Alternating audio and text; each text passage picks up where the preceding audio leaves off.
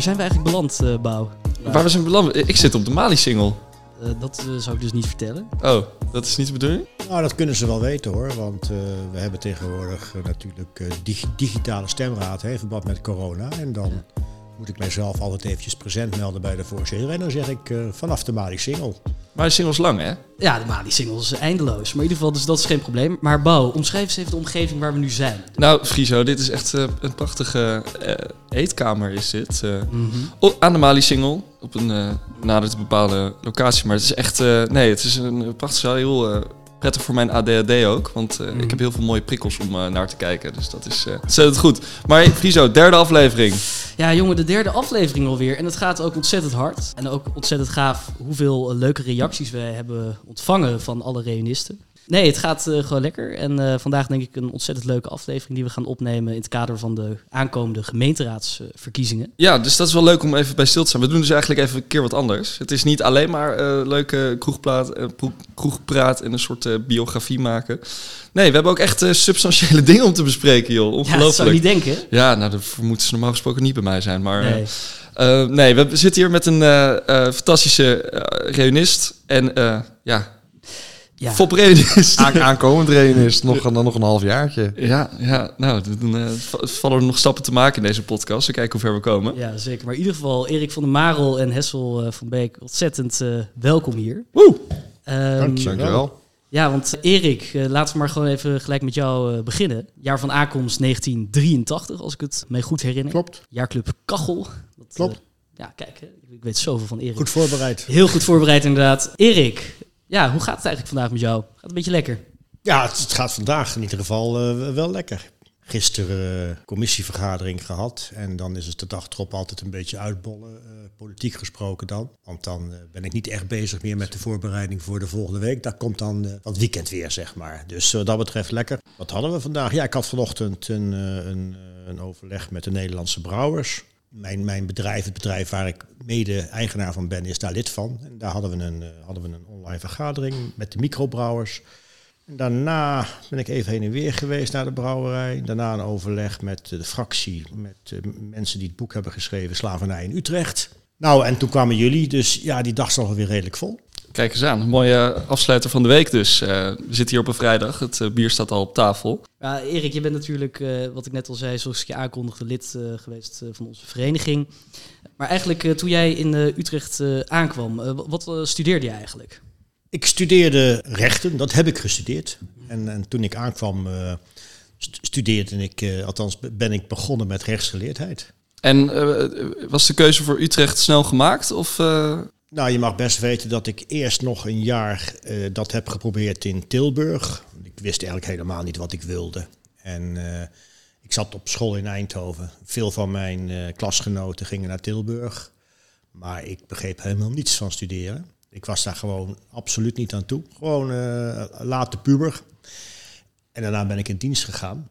En toen ben ik op een gegeven moment, uh, nou, toen ik uit dienst kwam, kostte die dan toch twee jaar. Hè. Weliswaar waren het 16 maanden, maar dat viel erg ongunstig. Toen ben ik wel naar Utrecht gegaan, bewust. Ook weer omdat ik toen mensen in dienst leerde kennen die hun studie begonnen in Utrecht. En een van mijn maatjes, een van mijn, mijn slaapjes, want hij was, hij was bij mij op de kamer, die had een, uh, had een vriendinnetje hier in Utrecht. En haar vader kocht een woning voor zijn dochter.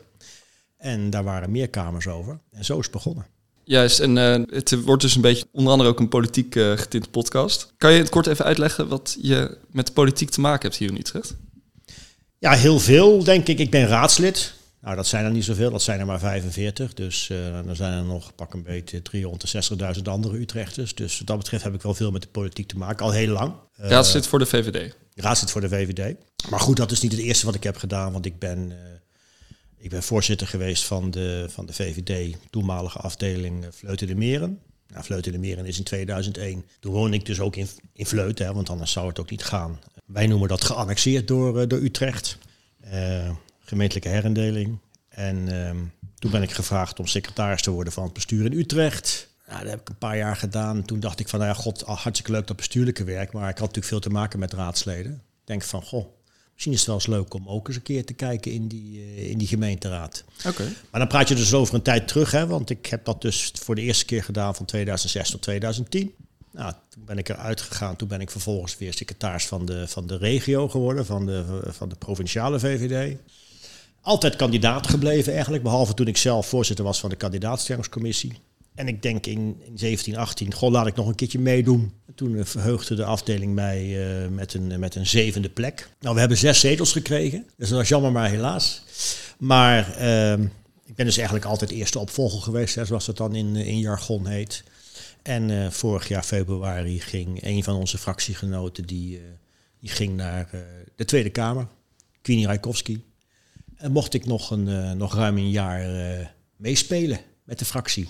Nou, hartstikke leuk. Zeker omdat het gewoon een jaar was, weet je wel. Dan, dan, dan is het ook gewoon goed te doen.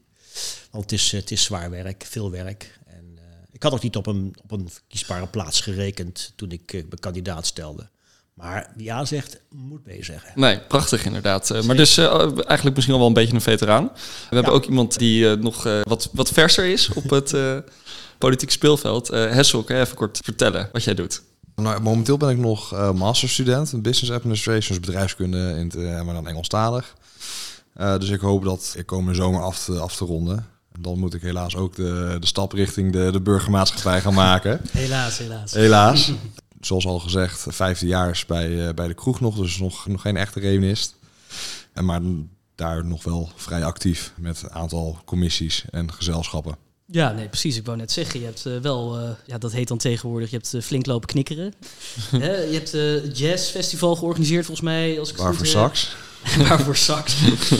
Federatie van Utrechtse Gezelligheidsverenigingen heb jij ingezeten. Je hebt ook natuurlijk, daarvan kennen wij jou natuurlijk ook heel erg goed, Salon de Montaigne gezeten, cultureel gezelschap. En je hebt sinds kort ook een nieuw gezelschap opgericht, toch?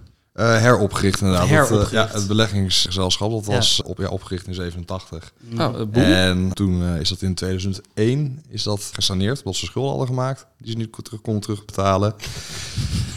en um, daar heb ik ja, samen met twee heren die hier nu aan tafel zitten, zit ik nu in het bestuur daarvan. En daarnaast doe ik, ben ik ook nog president van de ja, Commissie Utrecht Studentenleven. Wat dan weer een, een van de vertrouwensorganen van de kroeg is. Nou, dan uh, weten we nu uh, met wie we aan tafel zitten. Ja. Dat is wel goed om te weten. Wel intimiderend dit. Uh. Zeker. Maar laten we beginnen bij het begin. we zitten hier natuurlijk allemaal omdat we één ding met elkaar gemeen hebben. En dat is dat we bij dezelfde vereniging zijn gegaan. Was die keuze net zo snel gemaakt als naar Utrecht gaan? Nee, nee, nee. Die keuze was helemaal niet zo snel gemaakt. Want ik had helemaal geen idee van het studentenleven. Het was niet zo erg dat ik dacht dat het een zangvereniging was. in mijn jaarclub zitten, zaten er jongens die, die, die dat wel dachten, bij wijze van spreken was ook een vrij ongepolijst uh, clubje. Ja, ja het, het, zing, het, zingend koor, hè, dat, eh, dat, dat, is duidelijk. Maar uh, zo, zo, althans, zo werd dat wel genoemd in onze tijd. Ik weet niet of dat, of dat nu nog steeds zo is. Ja, is nog steeds zo. Ja, het is nog steeds zo. Maar uh, nee, ik had geen, ik had geen flauw benul. Dus ik ben eerst lid geweest van Unitas. Maar daar kwam ik wel snel achter dat dat niet mijn voorkeur was. Want dat huis waar ik in kwam te wonen, er woonden twee ongelooflijk leuke dames. Die waren lid van Unitas. Ik denk van, hé, hey, uh, en ik kwam aan als nakennismaker. Dus ook geen A-dagen gelopen zo. Ik zat in dienst, hè. Dus uh, daar ben ik eerst geweest. Maar kreeg ik op een gegeven moment wel in het snotje van... Er is wel wat meer. Er is wat traditionelers. Met wat meer banden met de historie. Ook wat met meer ja, studententradities. Dus ik ben wel heel erg blij dat ik nog die, die overstap heb gemaakt. Dat is echt een, uh, een hele fijne zet geweest. Ja, kijk, ik, ik heb geen zeven vinkjes, hè, dus wat dat betreft, mijn ouders die waren niet bijzonder hoog opgeleid. Eerste generatie, ik denk van eigenlijk mijn hele familie wel, die, die studeerde. Ja, zijn er nou dingen die um, uh, gebeurd zijn in die tijd die jou al uh, politiek actief hebben gemaakt?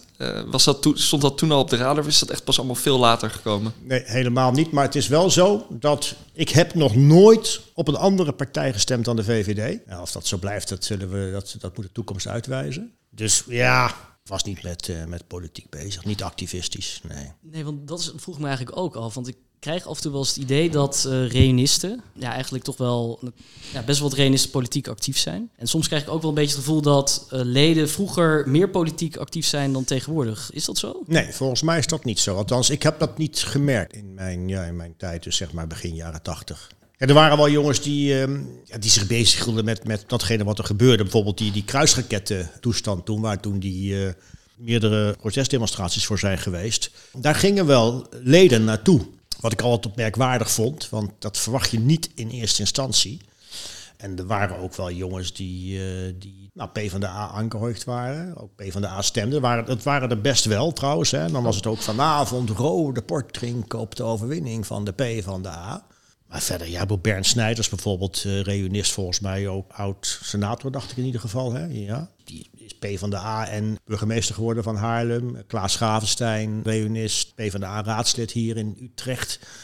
Maar ja, P van de A, een keurige, uh, althans hè, in die tijd, bepalende speler geweest, Sociaal-Democratische Partij. Ja. ja, dat was verder natuurlijk helemaal geen enkel probleem. Dat waren dan niet echt de socialisten waarvan je denkt van god, uh, nee, daar moeten we bang voor zijn, want die komen je, je, je, je spullen afpakken. Dat zeiden we natuurlijk wel, maar we wisten dat ze dat niet zouden doen. Maar hoe zou je eigenlijk destijds het uh, politieke klimaat uh, zeg maar binnen de kroeg beschrijven? was het ongeveer 50-50 links-rechts of zag je nee. meer liberaal? Nee. Ja, in zijn algemeenheid meer liberaal, denk ik. Toch wat, wat, wat liberaal conservatief D66 was toen nog niet zo'n factor. Tenminste, kan ik me niet echt herinneren. Nee, maar dat, nogmaals, wat ik al zei, dat was niet zo'n item. Er was ook geen politiek dispuut of subvereniging die dat deed. Je hebt natuurlijk gewoon die, die, die, die club die die praatjes organiseert. Hoe heet ze ook alweer? De Algemene Debate Club. Ja, daar, daar ADC, uh, daar zullen ze wel, daar zullen ze wel blij mee worden. Maar en er werden denk ik ook voor de, voor de verkiezingen wel bijeenkomsten voor gehouden. Dat er gewoon politici kwamen of bij de gemeenteraadsverkiezingen lijsttrekkers. Zeker. Maar ik denk niet dat ik er zelf bijvoorbeeld ooit e- bij één aanwezig ben geweest. Ik heb het idee dat het tegenwoordig, ja nou dat gaat zo meteen Hessel waarschijnlijk wel uh, vertellen, dat uh, misschien wel iets meer politieke activiteit is. Maar er zijn zoveel ook onderwerpen waar mensen natuurlijk verdeeld over kunnen zijn. Dat soms moet je ook een beetje graven of comfortabel worden met iemand voordat ze het daarover willen hebben natuurlijk. Want, dat is zeker Politieke mijnenvelden zijn er genoeg. Misschien een paar waarvan we ook vandaag er wel op gaan trappen. We gaan het zien. nou, uh, wil je dan doorgaan uh, naar onze jonge, jonge, jonge kerel aan tafel? Uh, ja, natuurlijk. Want dit is natuurlijk best wel een bijzonder moment. We hebben hier een liberaal van de oude stempel. En we hebben hier een liberaal van de nieuwe stempel. Die beide lid zijn. Dat is een unieke situatie hier bij de Renis podcast. Hessel, ja, hoe ben jij in dat politieke speelveld gerold? Nou, ik, allereerst in 2019, vlak voor de, uh, dat de pandemie uitbrak, toen uh, heb ik me ingeschreven bij de VVD. In, in de veronderstelling dat ik op het gemak kan ik daar een beetje ja, wegwijs worden. Toen heeft dat op een gegeven moment heeft dat een hele tijd stilgestaan, juist door de coronapandemie. En toen afgelopen jaar, tijdens mijn uh, bestuursjaar bij het koepelorgaan van alle gezelligheidsverenigingen, toen liep ik er eigenlijk constant tegenaan dat ja, daar wordt eigenlijk niet geluisterd uh, naar studenten door de uh, gemeente. En dan kan je hoog of laag springen, maar het gebeurt gewoon niet. Het lijkt wel of je, of je tegen een muur aanloopt.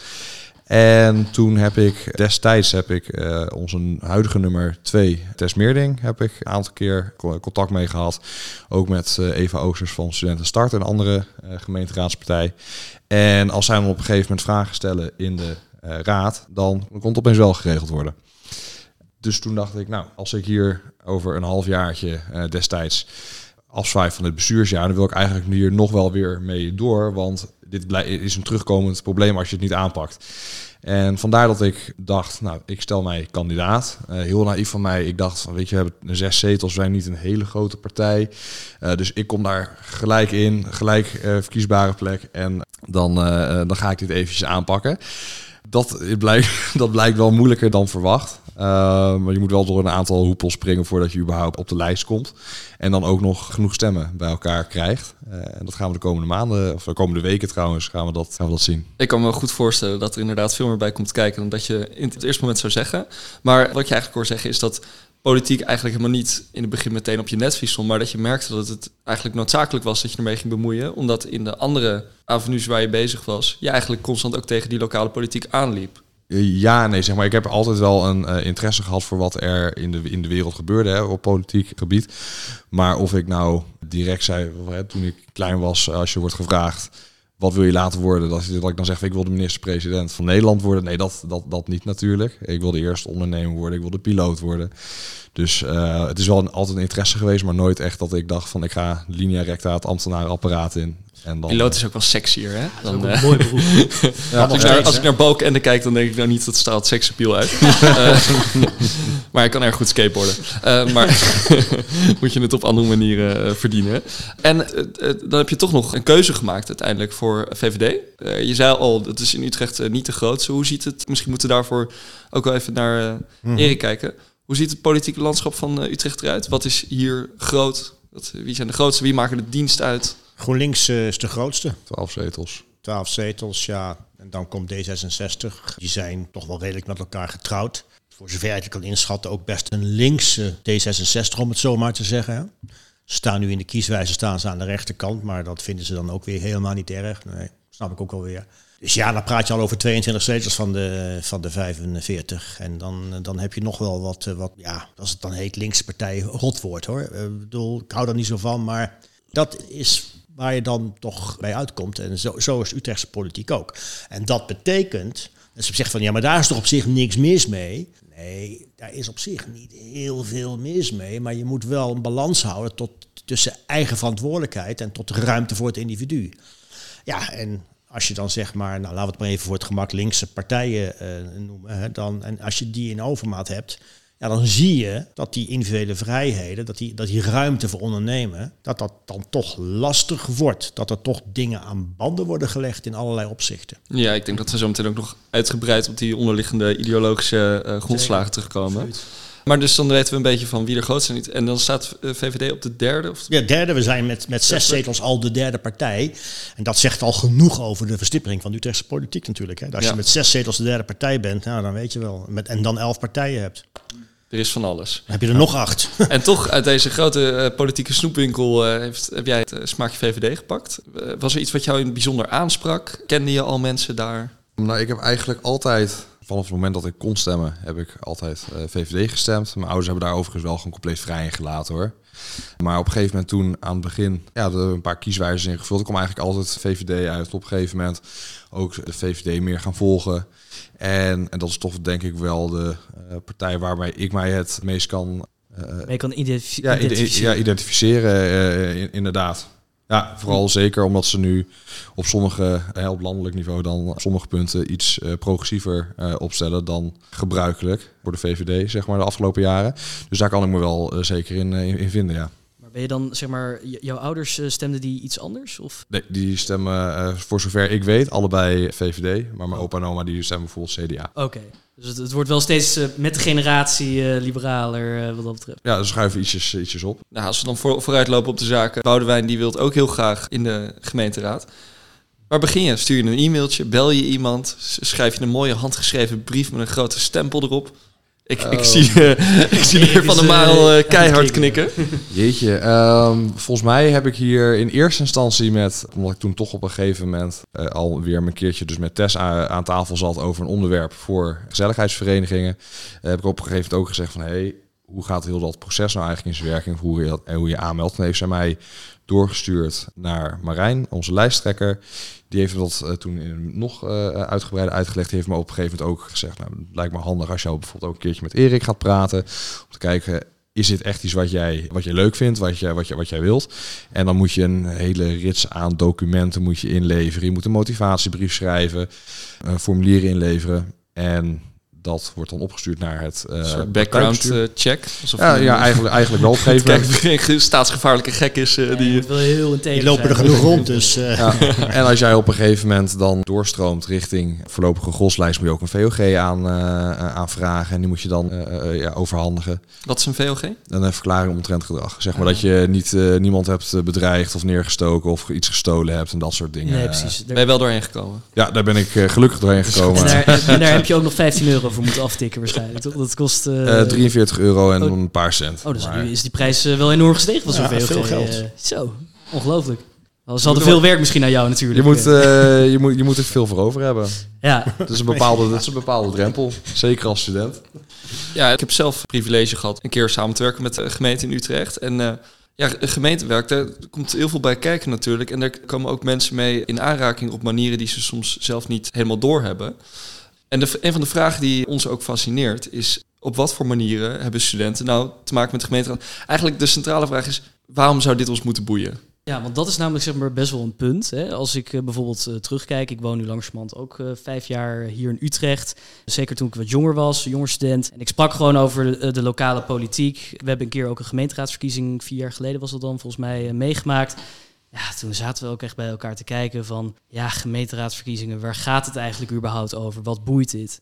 Wat, wat maakt het eigenlijk uit voor studenten? Zouden jullie er misschien iets over kunnen vertellen? Nou ja, ik denk dat deze vraag, hè, waarom interesseert, ja, boeit de, de gemeenteraadsverkiezingen iets voor studenten en uh, überhaupt zeg maar voor, voor inwoners van Utrecht, is eigenlijk heel simpel te antwoorden met dat, je, dat dit de meest directe manier is om inspraak te hebben over wat er gebeurt in de stad waar jij woont. Jij bepaalt namelijk hoe de koers van de komende vier jaar eruit ziet.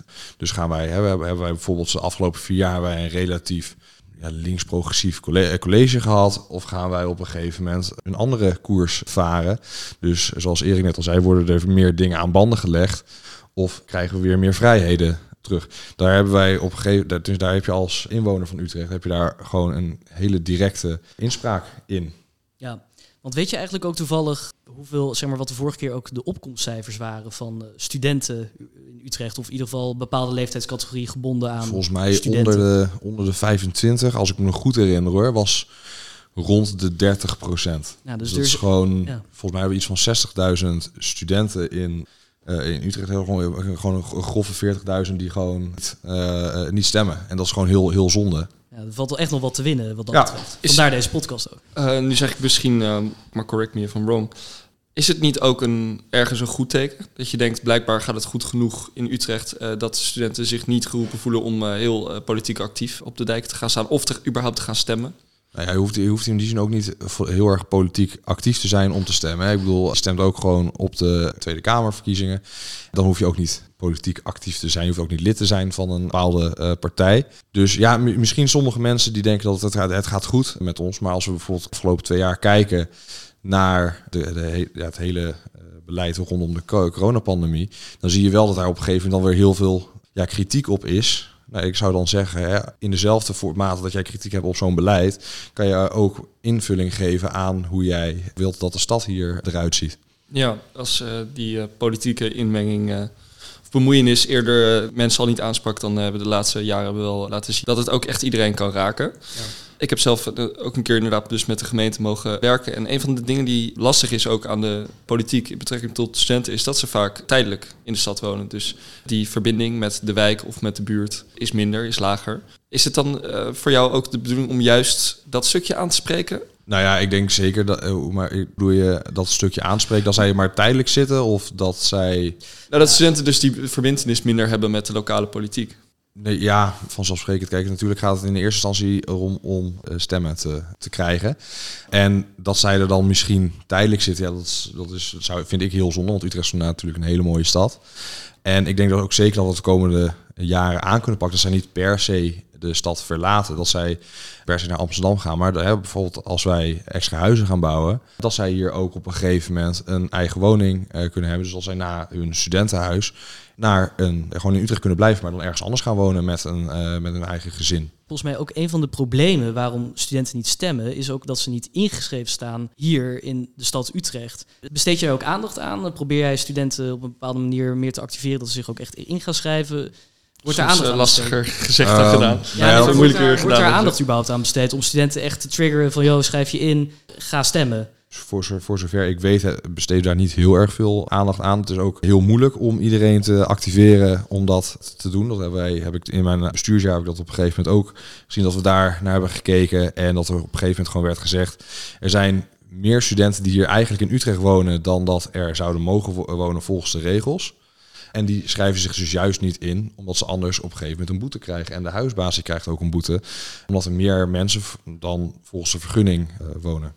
Erik, uh, hoe, hoe, kijk je naar deze jongen die naast je zit? Denk je van, uh, er staat een prachtige politieke toekomst voor, voor de jonge liberalen te wachten?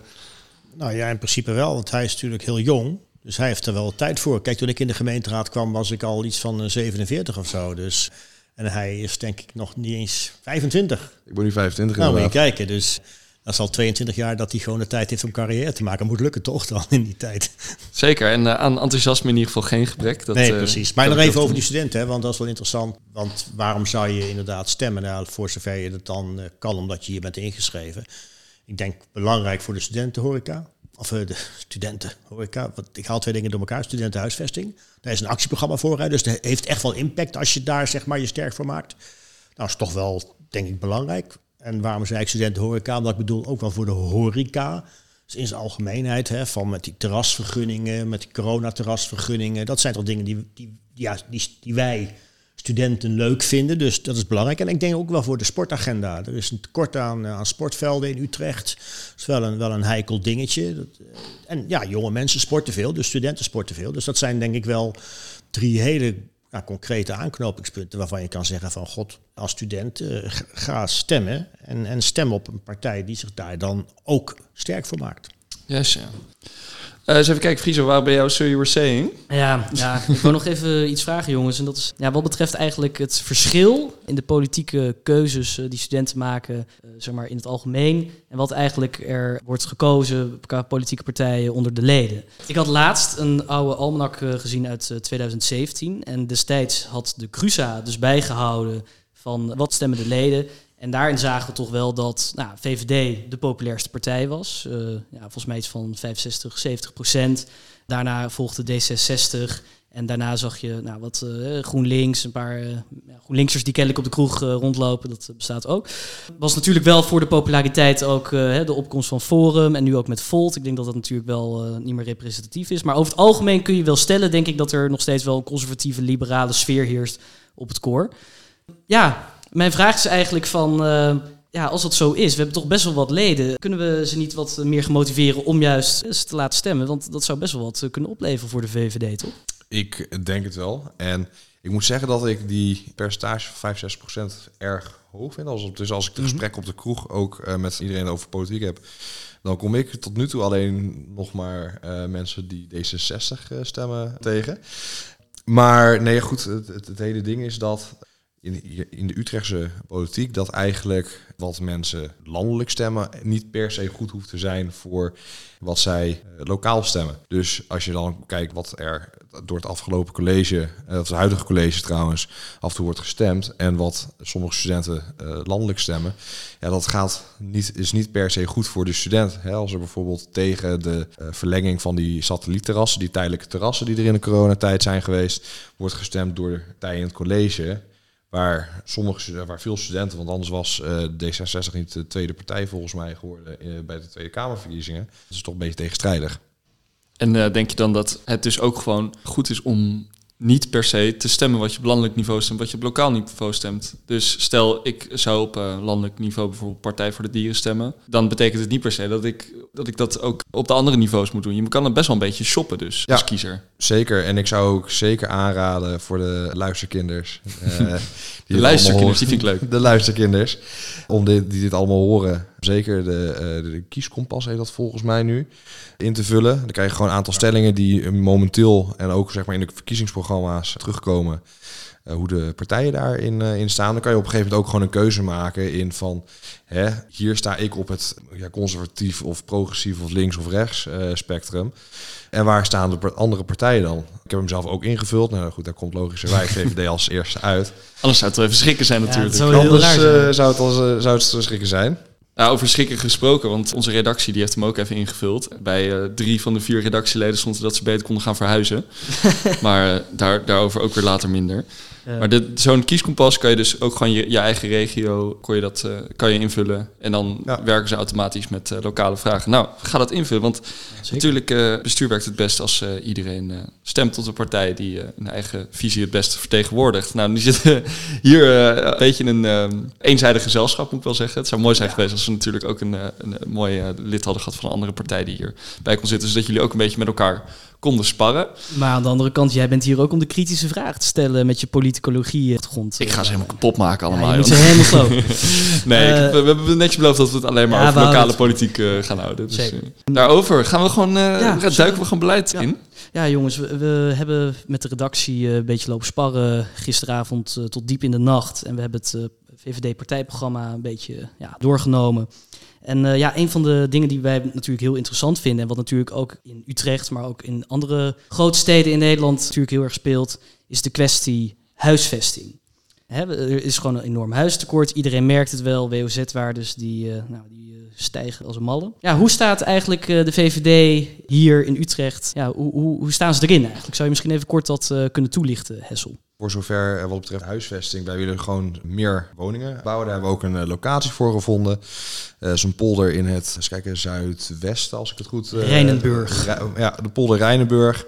Daar kunnen wij, ja, gedurende een aantal jaren kunnen wij op een gegeven moment gaan bouwen tot 45.000 woningen zijn ontzettend, ontzettend veel uh, woningen. is ook wel nodig, aangezien de gemeente heeft uitgesproken dat zij tot een half miljoen inwoners willen groeien. En momenteel is er al een gigantische woningnood. Dus die, die woningen zijn ook gewoon nodig. Ja. Dat is zeg, onze, onze grootste pijler wat betreft de, de, woningnood. Ja. Zeker. Daarnaast heb ik zelf ook wel het idee dat er wat betreft de regels omtrent woningdelen ook nog het een en ander gedaan kan worden. Omdat er nu heel veel verhalen zijn van ouders die voor kinderen een huis kopen op een gegeven moment dan dat daar vijf mensen in zouden kunnen wonen. Maar dat zij er maar met drie of vier kunnen wonen. En dat er dus in principe gewoon een kamer leeg staat. Die eigenlijk weer plek had kunnen eh, maken voor iemand die dus daar had willen wonen. Dus eigenlijk, hè, je ziet dus eigenlijk twee dingen bij de VVD. Aan de ene kant het aanbod verruimen. En aan de andere kant ervoor zorgen dat dus woningen ja, wat dat betreft efficiënter gebruikt kunnen worden. Want dat is natuurlijk wel ja, een groot probleem op dit moment. En ja, Erik, dan wil ik even gelijk naar jou toe. Want hebben gisteren met de redactie ook nog even het hele internet afgestruind. En we kwamen tegen dat jij iets uh, had gedeeld wat betreft de ontwikkeling of de potentiële ontwikkeling van Rijnenburg. Dat D66 daartegen zou zijn geweest, uh, tegen had gestemd tegen die uh, ontwikkeling. Zou je dat misschien even kunnen toelichten hoe dat precies zit? Nou ja, dat, dat had dan te maken met de, de laatste ontwikkelingen. Dat men nu opeens zeg maar toch draait naar sneller bouwen dan in Rijnenburg dan eerst was voorzien. Hè. Eerst was voorzien zeg maar zo'n beetje vanaf 35. En daar vindt D66 nu van, en dat vinden ze misschien al wel langer, maar daar hebben ze in ieder geval niet voor getekend, dat het naar voren moet worden gehaald. Nou, er werd heel veel uh, bombardie meegemaakt van kijk ons is dat naar voren willen trekken. Maar toen puntje bij paaltje kwam in de gemeenteraad, uh, sloot men zich toch weer achter het collegeakkoord. Dus formeel wordt er nog steeds gedaan alsof het 2035 is. Maar iedereen weet dat D66 en, en wij dus zeker ook, maar dat zijn wij altijd al en consequent geweest, zeggen van hoppakee zo snel mogelijk die polder ontwikkelen. Want die polder, wat je verder ook van de, van de fysieke omgeving vindt, hè, daar zitten nogal wat haken en ogen aan, hè, bouwtechnisch, maar er is in ieder geval de ruimte en er zit ook wat haken en ogen aan qua ontsluiting. Maar die polder is Utrechts grondgebied. Het is gewoon de enige locatie waar je gas kan geven. De hele, hele binnensteedse uh, oplossing, de, de verdichtingsopgave, allemaal hartstikke mooi op papier.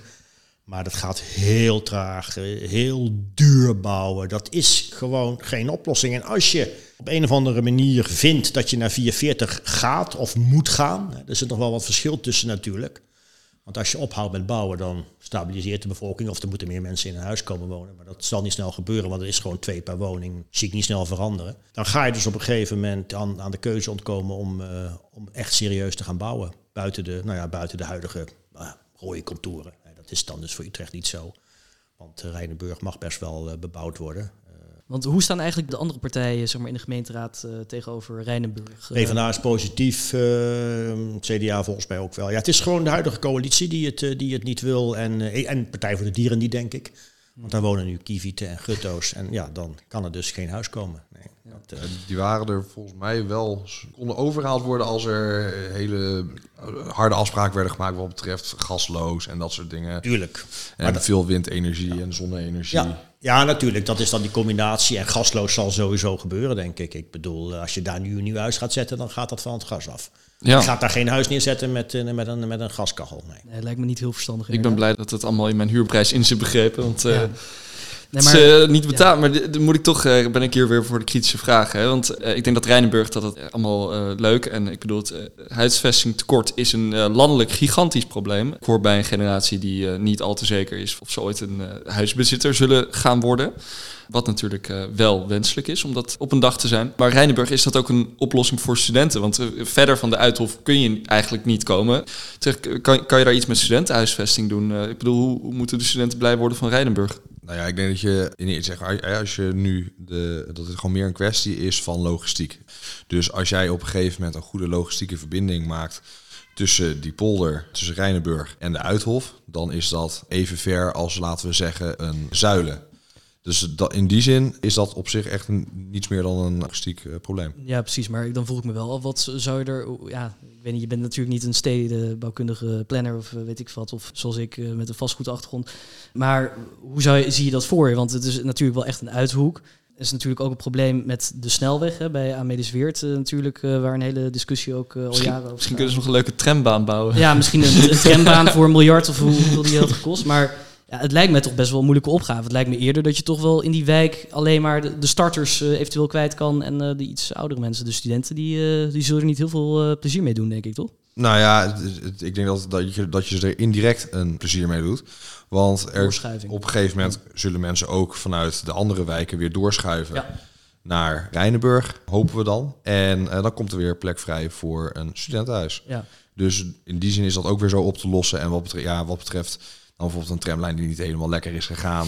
Zelf ben ik heel groot voorstander van, van de metrolijn, maar ik denk dat dat er niet gaat komen. En als het er al komt, dan, gaan we, dan zijn wij pensioenleeftijd. Dus dat is niet echt realistisch om, ja, om, eh, om, om in het plan te, erbij te voegen. Is dat, is dat ook een, een, iets wat, eh, een idee wat binnen de VVD leeft? Of is dat jouw eigen, eh, komt dat uit eigen koken? Nee, dat komt uit mijn eigen koken. Ik weet dat, ik weet dat er een aantal mensen zijn die daar gewoon geen hel in zien. Puur om de reden dat het gewoon ofwel te veel kost, of dat het gewoon te lang duurt. En dan is, staat die woonwijk er al. Maar ja, goed, dan heb je nog steeds een 20 jaar bijvoorbeeld dat je geen dat je slecht bereikbare wijk hebt. Ja. ja. Maar aan de andere kant, hè, dus inderdaad wat jij zegt, Hessel, dat, dat klopt als een bus. Hè, dus uh, het aanbod vergroten zodat er meer doorstroming is. Aan de andere kant, waar Erik het net over had, het uh, verdichten van uh, wooneenheden. Ja, hoe is dat eigenlijk toch gekomen dat, er, dat het zo streng is geworden in Utrecht? Dat het zo moeilijk is om woningdelers in een, uh, in een huis te krijgen met die omzetvergunning? Is dat iets van de laatste jaren geweest of speelt het al langer? Nee, het speelt vanaf 2008 dat uh, sommige partijen het een goed idee vonden om dat uh, aan een vergunning te onderwerpen. En dat had te maken met discussie in de oude wijken, Vogelwijk, Oudwijk, nou ja, dat, soort, dat soort wijken van hé, hey, daar is te veel overlast van die woningen die worden opgesplitst. En dan heb je een woning met een, met een meneer en een mevrouw en twee kindjes. Dat is heel aardig. En dan is opeens die woning, zitten er opeens vier of vijf studenten in. En dan wordt het opeens heel vervelend. Ik heb het altijd een vrij onbegrijpelijke discussie gevonden. Student vijandig, onsympathiek. Daar zijn we ook altijd tegen geweest. Ja, terwijl de stad natuurlijk ook heel veel te danken heeft aan uh, zijn studenten. Ehm, maar op het moment maakt de VVD zich nog harder voor om zeg maar juist meer versoepeling erin te krijgen. Dat is wel een standpunt daarvan. Zeker. We hebben toevallig gisteren commissiedebat gehad over de nieuwe huisvestingsverordening. Daar is een versoepeling voorgenomen om, die, uh, om de vergunningregime wat te, te, verlichten. En er mag ook weer uh, omgezet worden voor, uh, voor drie bewoners. Dus drie aparte bewoners die verder geen familie van elkaar zijn. Dat is een versoepeling zonder meer, dus dat is een goed voorstel. Maar wij willen, en dat willen we samen met Studenten Starter en D66, willen we dat vergunningsregime verder versoepelen. Kijken of daar nog een amendement of motie op gaat komen om daar iets, uh, nog iets meer ruimte in te krijgen. Ja, zeker. Een hele, dat is een eh, hele goede ontwikkeling, denk ik. Uh, ondertussen hebben we natuurlijk ook het partijprogramma gezien, hebben we ook andere oplossingen gezien waarvan wij wel dachten van oké, okay, hoe zit het dan precies? Uh, bijvoorbeeld in jullie partijprogramma staat onder andere de realisering van een uh, studentenhotel. En uh, ja, Boudewijn... ik, ik, ik viel bijna van mijn stoel af. Ik dacht, studentenhotel, wat is dat nou? Maar ja, daar, daarom ben ik om ook de vraag te stellen. Wat is een studentenhotel? Wat willen jullie daarmee? Denk ik dan, moet ik dan aan een soort stay-oké denken, maar dan voor de middellange termijn of wat? Ik moet zeggen dat ik hier wel deze mij even van ontgaan. Maar volgens mij was dit de invulling hiervan. Was dat het meer echt tijdelijk was als je, je komt hier en op een gegeven moment vind je dan een kamer. Dus niet dat je op wat je nu hebt, dat heel veel internationals bijvoorbeeld, dat die, nou ja goed, hè, 400, 500 euro per week eh, kwijt zijn aan bijvoorbeeld aan de STOK. Voordat zij eindelijk een keertje een kamer hebben gevonden. En dan ja. dat gebeurt ook gewoon mensen die uit, hè, eh, studenten die uit Limburg komen, die hier naar Utrecht gaan. Ja, die hebben gewoon de banden hier in Utrecht niet, die andere mensen die er dichterbij wonen uh, wel hebben. Ja, juist. Ja, en uh, wat uh, bijvoorbeeld ook in jullie partijprogramma stond, dat is bijvoorbeeld onder andere de creatie of het simuleren ook van zelfstandige studentenunits, zoals het, zoals het erin stond. Mijn vraag was er eigenlijk daarover, ja, is dat eigenlijk wel een goed idee? Hè? We hebben bijvoorbeeld in die coronacrisis gezien, studenten, hè, dat uh, isolatie, dat juist in je eentje wonen, ja, toch best wel schadelijk kan zijn. Ook even los van die coronatijd. we zijn sociale wezens, het is toch best wel goed om juist sociale interactie te hebben. Ja, hoe eh, staan jullie daar eigenlijk tegenover? Tegen de creatie van uh, zelfstandige studenten woningen? Nou ja, ik zou daar zelf in, uh, in die zin niet heel erg vervelend tegenover staan. Puur om het feit dat er ook heel veel mensen zijn die er juist voor kiezen om dat op een gegeven moment ja, alleen te gaan wonen in een studio omdat zij ofwel het vervelend vinden overlast, dat je rekening moet houden met iemand anders. Of dat zij het gewoon, ja, weet ik van een beetje smetvrees hebben of wat dan ook. Zeg maar, sommige studentenhuizen kunnen echt heel smerig zijn. Als je daar niet tegen kan. Ja, dat, ja. dat ken ik. Ja, ja dan, dan, dan, dan, dan ga je denken dat, je, dat de uh, keuze al snel gemaakt is om op een gegeven moment uh, op jezelf te, te, gaan wonen. En ik denk, hè, wat je net zei, dat, dat qua eenzaamheid, ja, dat is een, een risico dat, dat op de loer ligt. Maar als ik kijk naar vrienden van mij die op een gegeven moment die ook in, alleen in de studio zitten, die gaan juist extra met, uh, met elkaar om, omdat ze dan op een gegeven moment nog een beetje sanity uh, houden. Ja, ja, precies. Ja, dit is. Ik... Maar ik, ja, oh, ga, nog, iets, uh, nog één, één interruptie. Eén interruptie. Ja, nee, maar, wat betreft dan, want het is wel zo met zulke zelfstandige units, studentenwoningen, krijg je wel bijvoorbeeld het risico dat de huisjesmelker om de hoek komt kijken, want die kan enorm hoge huren ervoor vragen. Hè. Uh, je hebt een puntensysteem. Als je daar bijvoorbeeld een studio hebt, je gooit er een uh, klein keukentje in, een chemisch wc'tje. En dan kun je de prijzen enorm, enorm omhoog krijgen. Hoe kijken jullie eigenlijk tegenover huisjesmelkers wat dat betreft? Ja, ik denk dat huisjesmelkers aan zich, zeg maar, dat, dat, dat, dat zegt al genoeg. Dat soort mensen die zijn, vind wat mij betreft, nogal verschoonbaar. Aan de andere kant, kijk, hè, als jij gewoon een normale huisbaas hebt, ik een hele normale huisbaas, ja, dan, is het, dan zie ik er helemaal geen probleem uh, in dat iemand naast zijn eigen woning, uh, naast zijn eigen werk, ook nog een extra uh, inkomensbron heeft. Als dan maar wel, zo is dat op een gegeven moment, dat huis goed verzorgd wordt. En dat als er iets, dat als de huurder aangeeft, er is iets kapot, dan moet het ook wel binnen afzienbare tijd gemaakt worden. Dus ik denk dat, dat je daar gewoon wel echt een, een, een scheidslijn moet, een verschil moet maken. Van kijk je dan naar huismelkers of kijk je dan op een gegeven moment gewoon naar een, iemand die dan iets, nog een extra woning heeft die hij of zij verhuurt.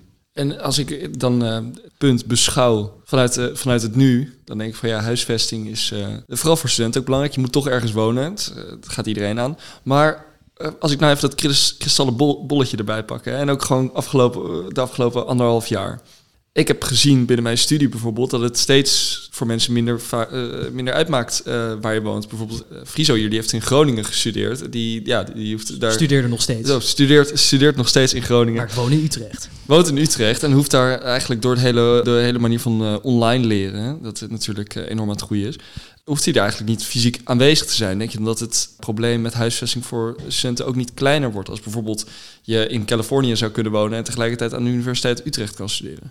Nee, ik, Niet ja, dat je daar zoveel huizen kan vinden hoor, maar dus, uh, boek in uh, Waterland dan. Oh, dat zou ook wel druk zijn. Ja, nee, als, als ik, oh, ja, ik, studeer dan zelf ook in, in Amsterdam, terwijl ik ook hier in Utrecht woon. En als ik dan kijk naar afgelopen anderhalf jaar, hè, heel veel is uh, online geweest. Ik vond dat echt gewoon een zegen, want ik kon gewoon vanuit huis werken. Ik had geen, omdat ik gewoon geen studentproduct meer had, omdat ik te lang gestudeerd heb. Uh, had ik geen reiskosten. Maar er zijn ook heel veel mensen die juist daardoor heel slecht uh, kunnen studeren. En de voorkeur bij docenten ligt ook gewoon op uh, fysiek college. Dus ik denk dat op een gegeven moment dat, het, dat er altijd een bepaald niveau blijft. Dat mensen dus echt wel gewoon naar de stad moeten komen. En dat het niet alleen maar digitaal blijft. Helder, ja. Oké, okay. nou, oké. Okay. Nou, mooie, mooie, mooie woorden. Ik denk een ander heel erg belangrijk punt in jullie verkiezingsprogramma... en dan zou ik dat aan Erik uh, willen vragen, is uh, veiligheid. Hè. VVD eh, roept vaak, ook in de landelijke politiek, meer blauw op straat. Het staat ook in jullie partijprogramma dat jullie de veiligheid willen verbeteren in de stad. Hè, dat mensen zich veiliger voelen. Ja, hoe willen jullie dat eigenlijk aanpakken? Nou, dan heb je een slecht als je dat aan mij vraagt. Ik, ik ben geen woordvoerder veiligheid. Nee, ik, heb, ik, ik, ik, weet daar, ik weet daar weinig van. Ik vind, ik vind in zijn algemeenheid, maar dat is, dat is mijn persoonlijke opvatting, dat er altijd wel de, de VVD is de veiligheidspartij. Hè. Dat is dan zeg maar uh, een van onze unique selling points. Ik, ik, was net onderweg naar huis en toen vond dat uh, mevrouw Marijnissen vond dat de SP ook de partij van de veiligheid is. Laat ik het zo zeggen, dat is, dat is een van de kernpunten van het, van het contract sociaal. Dat, dat de overheid waarborgen biedt dat je veilig in je huis kan zijn, dat je veilig over straat kan en mensen van, met een poten van je spullen afblijven. Dus ja, ik vind dat vanzelfsprekend. Nee, nee, precies. Maar laat ik de vraag dan even uh, iets uh, anders stellen. Wat hebben jullie de afgelopen jaren gedaan aan die veiligheid? Nou, ook daarvoor geldt. Kijk, Queenie, Queenie was woordvoerster, nu is Teststad. En die, zitten, die hebben er altijd bovenop gezeten.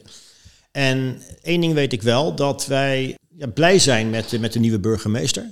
Sharon is. Sharon Dijksma, ja. Ja, Sharon Dijksma, die is, die is echt wel. eh, nou, die, dat zegt ze ook letterlijk, hè?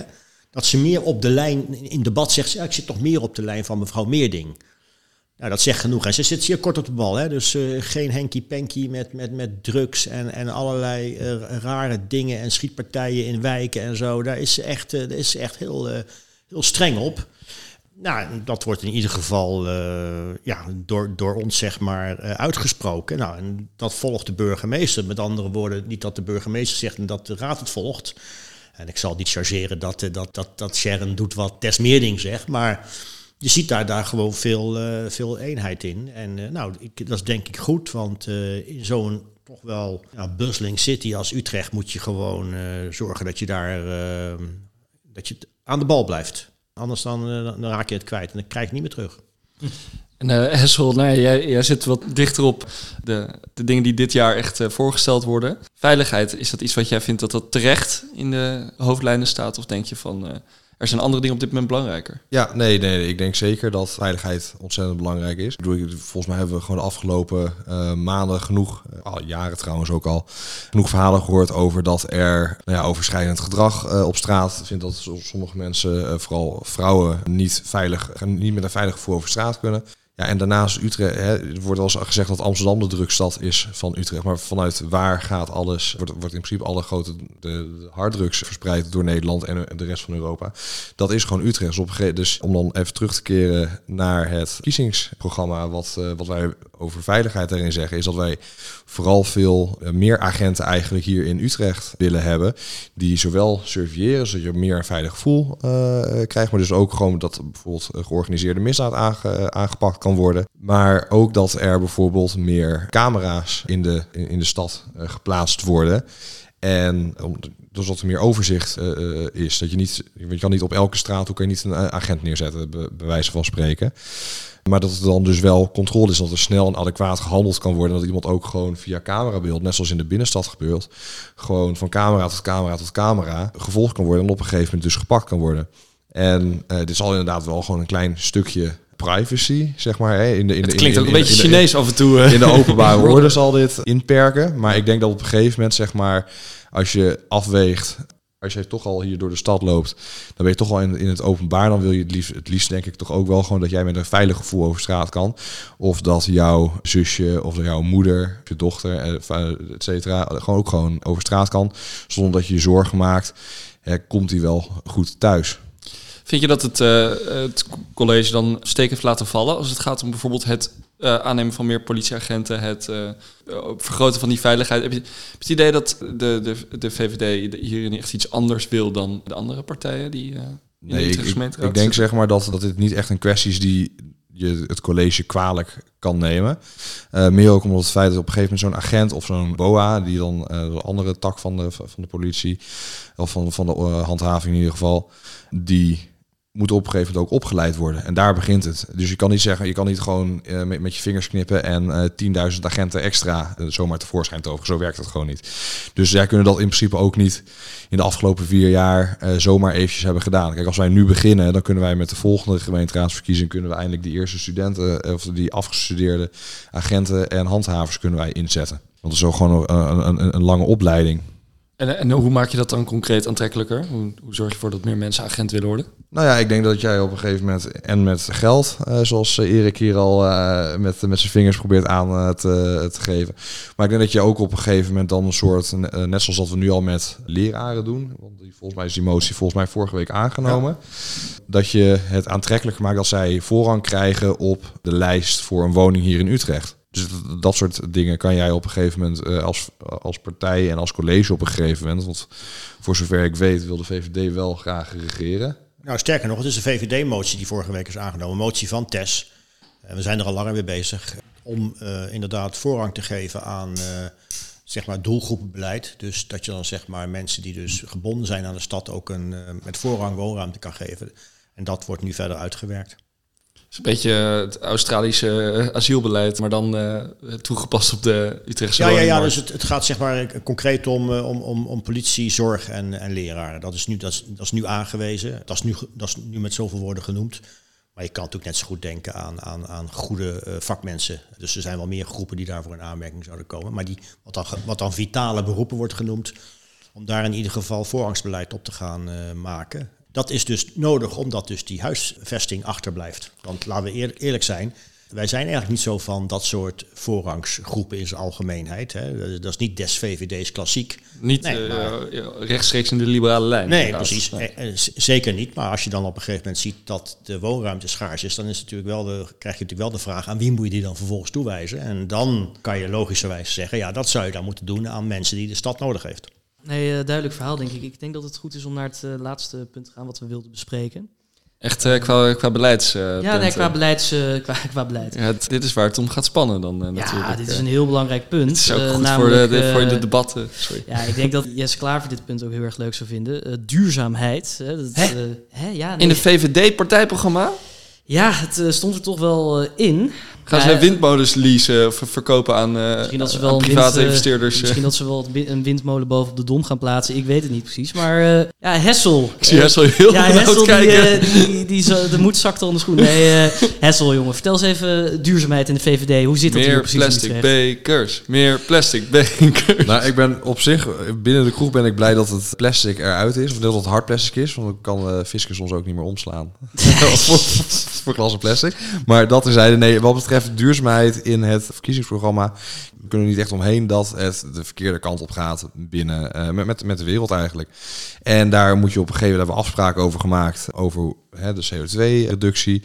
En dat begint ook dan in de stad. Dus op een gegeven moment, hè, je moet woningen van het gas afhalen. Je moet op een gegeven moment ook, uh, kan je denken aan uh, subsidies dat woningen geïsoleerd worden, et cetera. Dus er zijn echt meerdere dingen die op een gegeven moment dan wel gewoon gestimuleerd kunnen worden uiteindelijk keuze daar sowieso wel op een gegeven moment bij de eigenaar, de eigenaar van, het, pand, natuurlijk. Ja, precies, maar nu kijk je vooral hè, naar het verduurzamen van panden. Maar een van de dingen die hier de afgelopen jaren zich heeft afgespeeld, is ook bijvoorbeeld ja, de creatie van een, uh, ik noem het altijd maar een luchtschild om de binnenstad.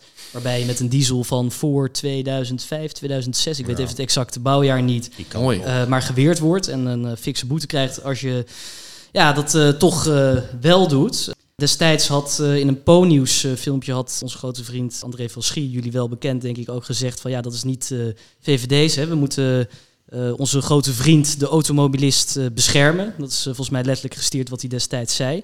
hoe staan jullie daar eigenlijk tegenwoordig in? Is dat nog steeds zo? Willen jullie daar nog steeds iets aan doen? Of denken jullie van nou, dat, dat luchtschild, dat, mag er wel blijven? Nee, ik denk dat dat, heel pragmatisch gezien gewoon een kwestie is van bereikbaarheid. Dus hè, prima dat we dan op een gegeven moment uh, auto's met een bepaald jaartal niet meer in de binnenstad willen. Maar als dat er betekent, hè, als wij op bijvoorbeeld heel de gemeente Utrecht dat zouden doen, ja, dan kunnen mensen die helemaal bovenin Zuilen uh, zitten of helemaal uh, onderin in Hooggraven, die kunnen op een gegeven moment niet meer naar de stad, omdat ze dan afhankelijk zijn van een bus die ofwel of niet rijdt.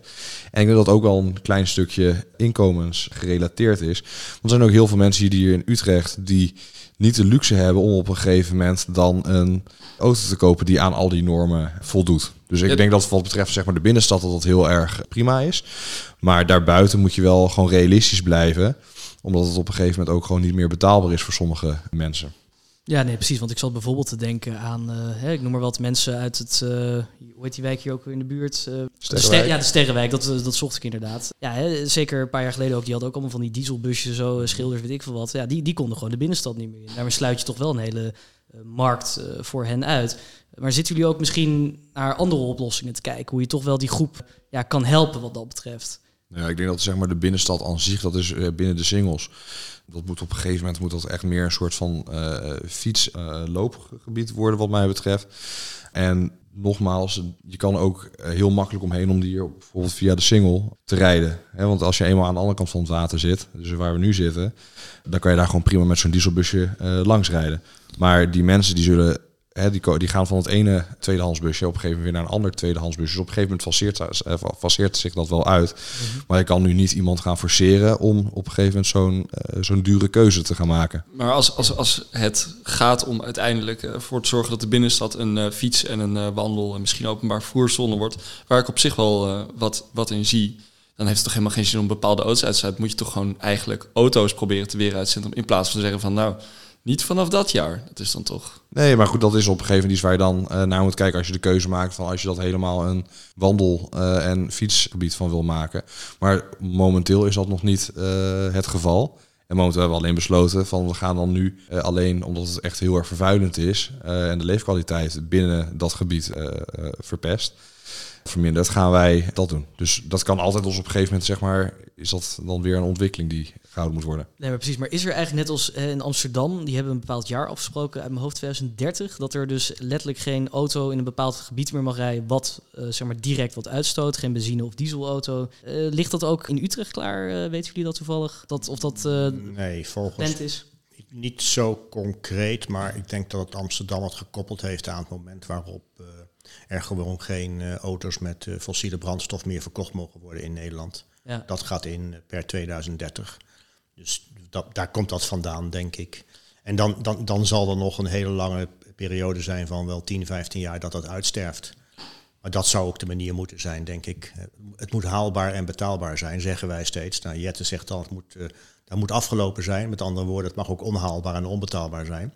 Hm. Maar ja, dan zeg je het zelf al, onhaalbaar, dan gaat het niet, gaat het niet gehaald worden. Hè? Dus daar schiet je ook niks mee op. De problematiek is natuurlijk veel breder, omdat die, die, die, die speelt zich op, op, op wereldschaal af. En, en, dan kan je hier in Utrecht extreme maatregelen nemen, maar die hebben geen enkele, geen enkele impact op het klimaat van de, van de wereld. En dat, dat is waar je dan uiteindelijk iets aan, uh, aan wil doen. En volgens mij is de VVD inmiddels zover, hè, mag ik best wel zeggen, denk ik. Hè, want daar waren we toch best wel kritisch op hè, de laatste tijd. Maar de laatste tijd, nou laat ik zeggen, tot voor tien jaar geleden. Maar ja, dat besef is wel ingedaald. En we hebben ook als Nederland natuurlijk gewoon uh, Parijs ondertekend.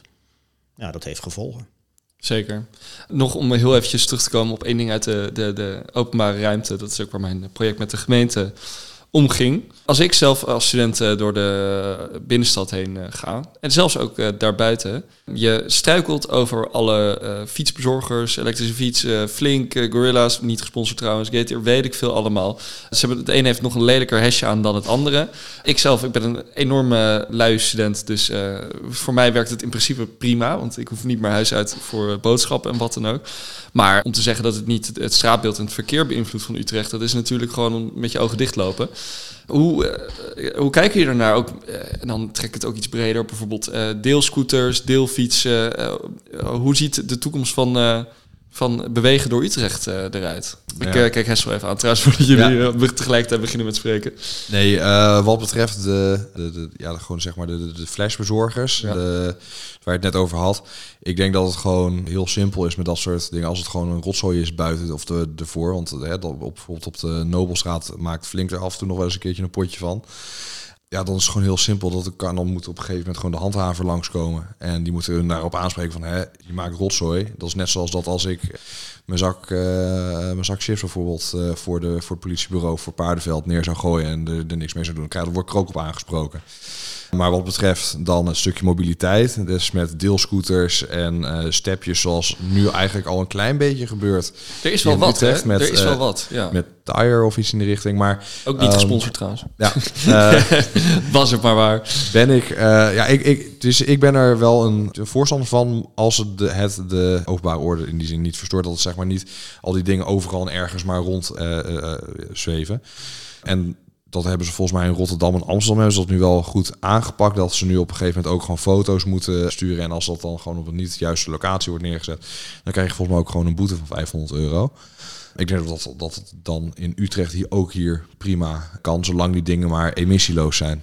Dus je zegt het kan wel, het moet gewoon uh, op een juiste manier geregeld worden, zodat je zo min mogelijk onlast, overlast hebt. Dat is heel duidelijk. Is daar ook een VVD-standpunt over, of zijn dit jouw persoonlijke overtuigingen? Dit zijn mijn persoonlijke overtuigingen. Dit is niet iets wat zeg maar in het VVD-ding staat, maar goed, hè, mocht ik op een gegeven moment ja, misschien verkozen worden, dan kan dat uh, eventueel uh, ingebracht worden. Juist, oké. Okay. Nee, daar is een VVD-standpunt over. Oh, kijk eens aan. Ja, nou. ja, ja, ja, natuurlijk. We hebben overal een standpunt over, hè, dus hier ook over.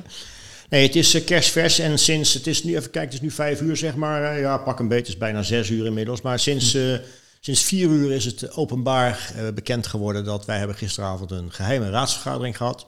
Dat klinkt heel spannend. Ja, dat, dat is heel... enorm spannend. Die duurde ook tien minuten. en daar was eigenlijk één agendapunt. Er waren er twee, maar het ene was gewoon eventjes een A-puntje, moest er even snel doorheen.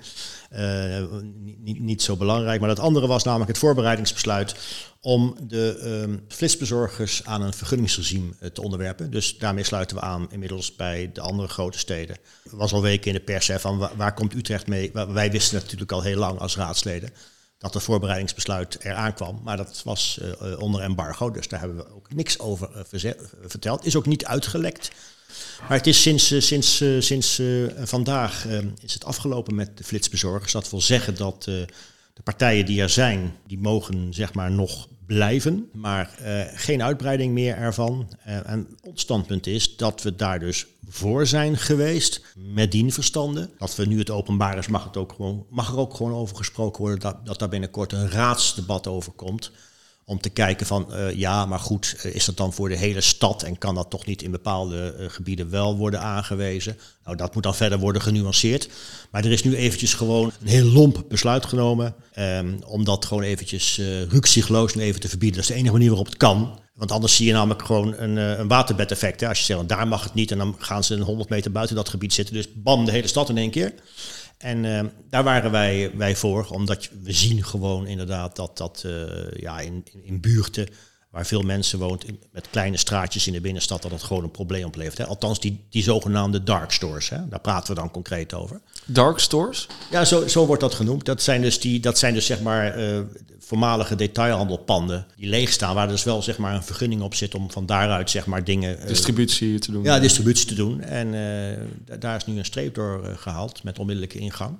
Maar dat zal dan verder moeten uitgewerkt worden of dat dan ja, per buurt of per wijk waar het dan wel kan en waar dan aanwijzingen voor moeten komen. Want, andere kant van de medaille is dat dit is natuurlijk disruptive, maar dat komt omdat er een behoefte aan is. Dan zijn wij zo van ja, als iemand gewoon s'avonds om tien uur een zak chips wil bestellen. En, die, en er zijn mensen die dat willen leveren. Of dat nou met verlies gaat, ja of nee, dat is niet aan ons. Hè. Dat voel me enorm aangesproken. Weten. Ja, dat, dat, als, zij, als zij denken dat daar, dat daar brood in is, dan moeten ze dat vooral doen. Dan moet dat natuurlijk in principe wel kunnen. Maar dat moet dan niet gepaard gaan met overlast in de woonwijken. Oké, ja, ja. Ik denk dat dit ook wel echt een uh, leuk, helder voorbeeld is van uh, ja, hè, hoe uh, actuele kwesties zich ook in de gemeenteraad gewoon blijven voordoen. Ja, dit zijn natuurlijk dingen die ook op lokaal niveau onder ja. andere bepaald moeten worden. Um, ik moet wel zeggen, het, ik vind het wel steeds spannender geworden. Want we zijn nu een stukje verder en we hebben al iets over geheime vergaderingen, ja, het, embargo's dark stores. Ja, is, uh, het wordt wel steeds spannender hier het in de is, uh, podcast. Het is heel vet die... Uh, Blijf bij dark stores, hè. Dus, ja. dark stores. Um, Boudewijn, ik denk dat het wel langzamerhand tijd wordt om een beetje te gaan afronden. Oh, jammer. Ik ja, zit ik merk net zo het lekker. Ik denk eh, natuurlijk met jouw poli politicologie-achtergrond dat jij nog uh, zeker uren had willen doorpraten. Heel graag. Ik heb geen titel hoor, dus uh, nee, alsjeblieft pin me daar niet op vast. Maar Misschien zeer eventueel over een jaar. Ik lees af en toe een boekje. Oké, okay, Waarbouw. Um, zullen we het afsluiten, jongen? Nou, ik wilde nog eventjes terug naar onze reunisten. Eén reunist, één popreunist. Verschoning. Erik, voor de mogelijke studenten of andere geïnteresseerden die nu aan het luisteren zijn, zijn er dat dingen dat je zegt van ja, dit is toch nog wel even iets wat jullie moeten meenemen? Wat zij moeten meenemen. Ja, want ja. ze denken van, ik geef je even een open podium. Je mag nu, ja, nee, je mag dat, ze direct aanspreken. Ja, nee, dat, dat is duidelijk. Ja, kijk, ik, ik, ik denk dat, uh, dat, dat die riete passage die het studentenleven is, is in Nederland best wel, wel op een unieke manier vormgegeven. Althans van oudsher. Hè? Dus met, met studentenwoningen waar je dus gewoon met, met vijf, zes, zeven mensen in een huis woont. Hartstikke leuk. Ja, dat, dat zal vooral moeten blijven. En dat is daar ligt ook een rol voor de, voor de gemeentelijke politiek. Hè? Om, dat, om dat mogelijk uh, te blijven maken. Want ik heb daar in ieder geval een ongelooflijk leuke tijd uh, mee gehad. En ik, ik zou willen dat dat... Uh, ook voor toekomstige generaties zo'n leuke tijd te blijven. Want dat is best wel gekoppeld, denk ik, aan, aan Nederland. En niet, niet exclusief aan Nederland, maar je ziet het in ieder geval hier heel, heel erg sterk.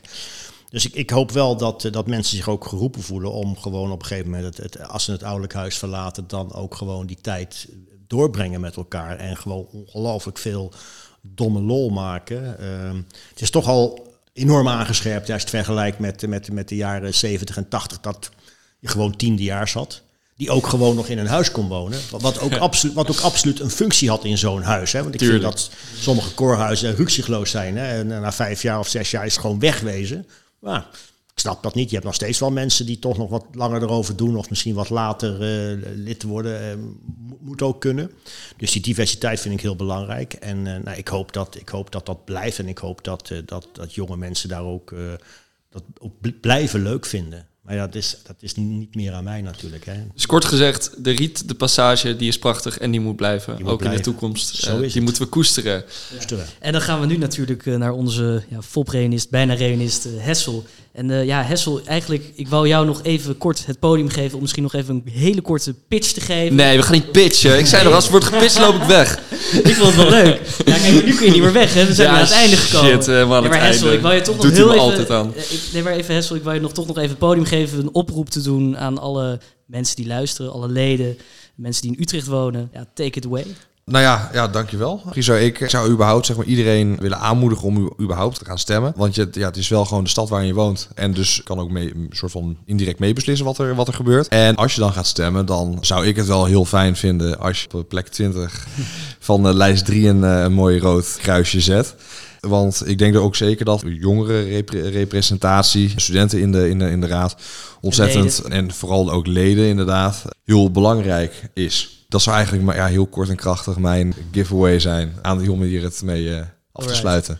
Meer leden in de politiek volgens uh, Hessel. Dat wordt de stad alleen maar mooier op. Hey, uh, wij houden jouw politieke ja. escapades houden we nauwlettend in de gaten. En Misschien hebben we het in de toekomst nog een keertje over. Nou, voor dit moment vond ik het echt ontzettend leuk om uh, een uh, podcast met jullie op te nemen. We hebben het ook een keer met een ander tintje gedaan. Wie weet krijgen we haat, wie weet krijgen we lof.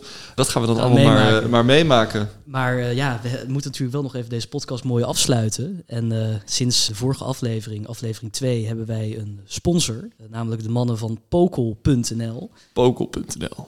Erik, jij bent eigenlijk onze reunist, dus wij hebben een cadeau voor je. En dat ga ik even weer op hele subtiele manier uh, pakken. Ja, jongens, uh, even, het klinkt alsof er nu geboord wordt, maar uh, Frieso die is naar een heel mooi pakket aan het reiken.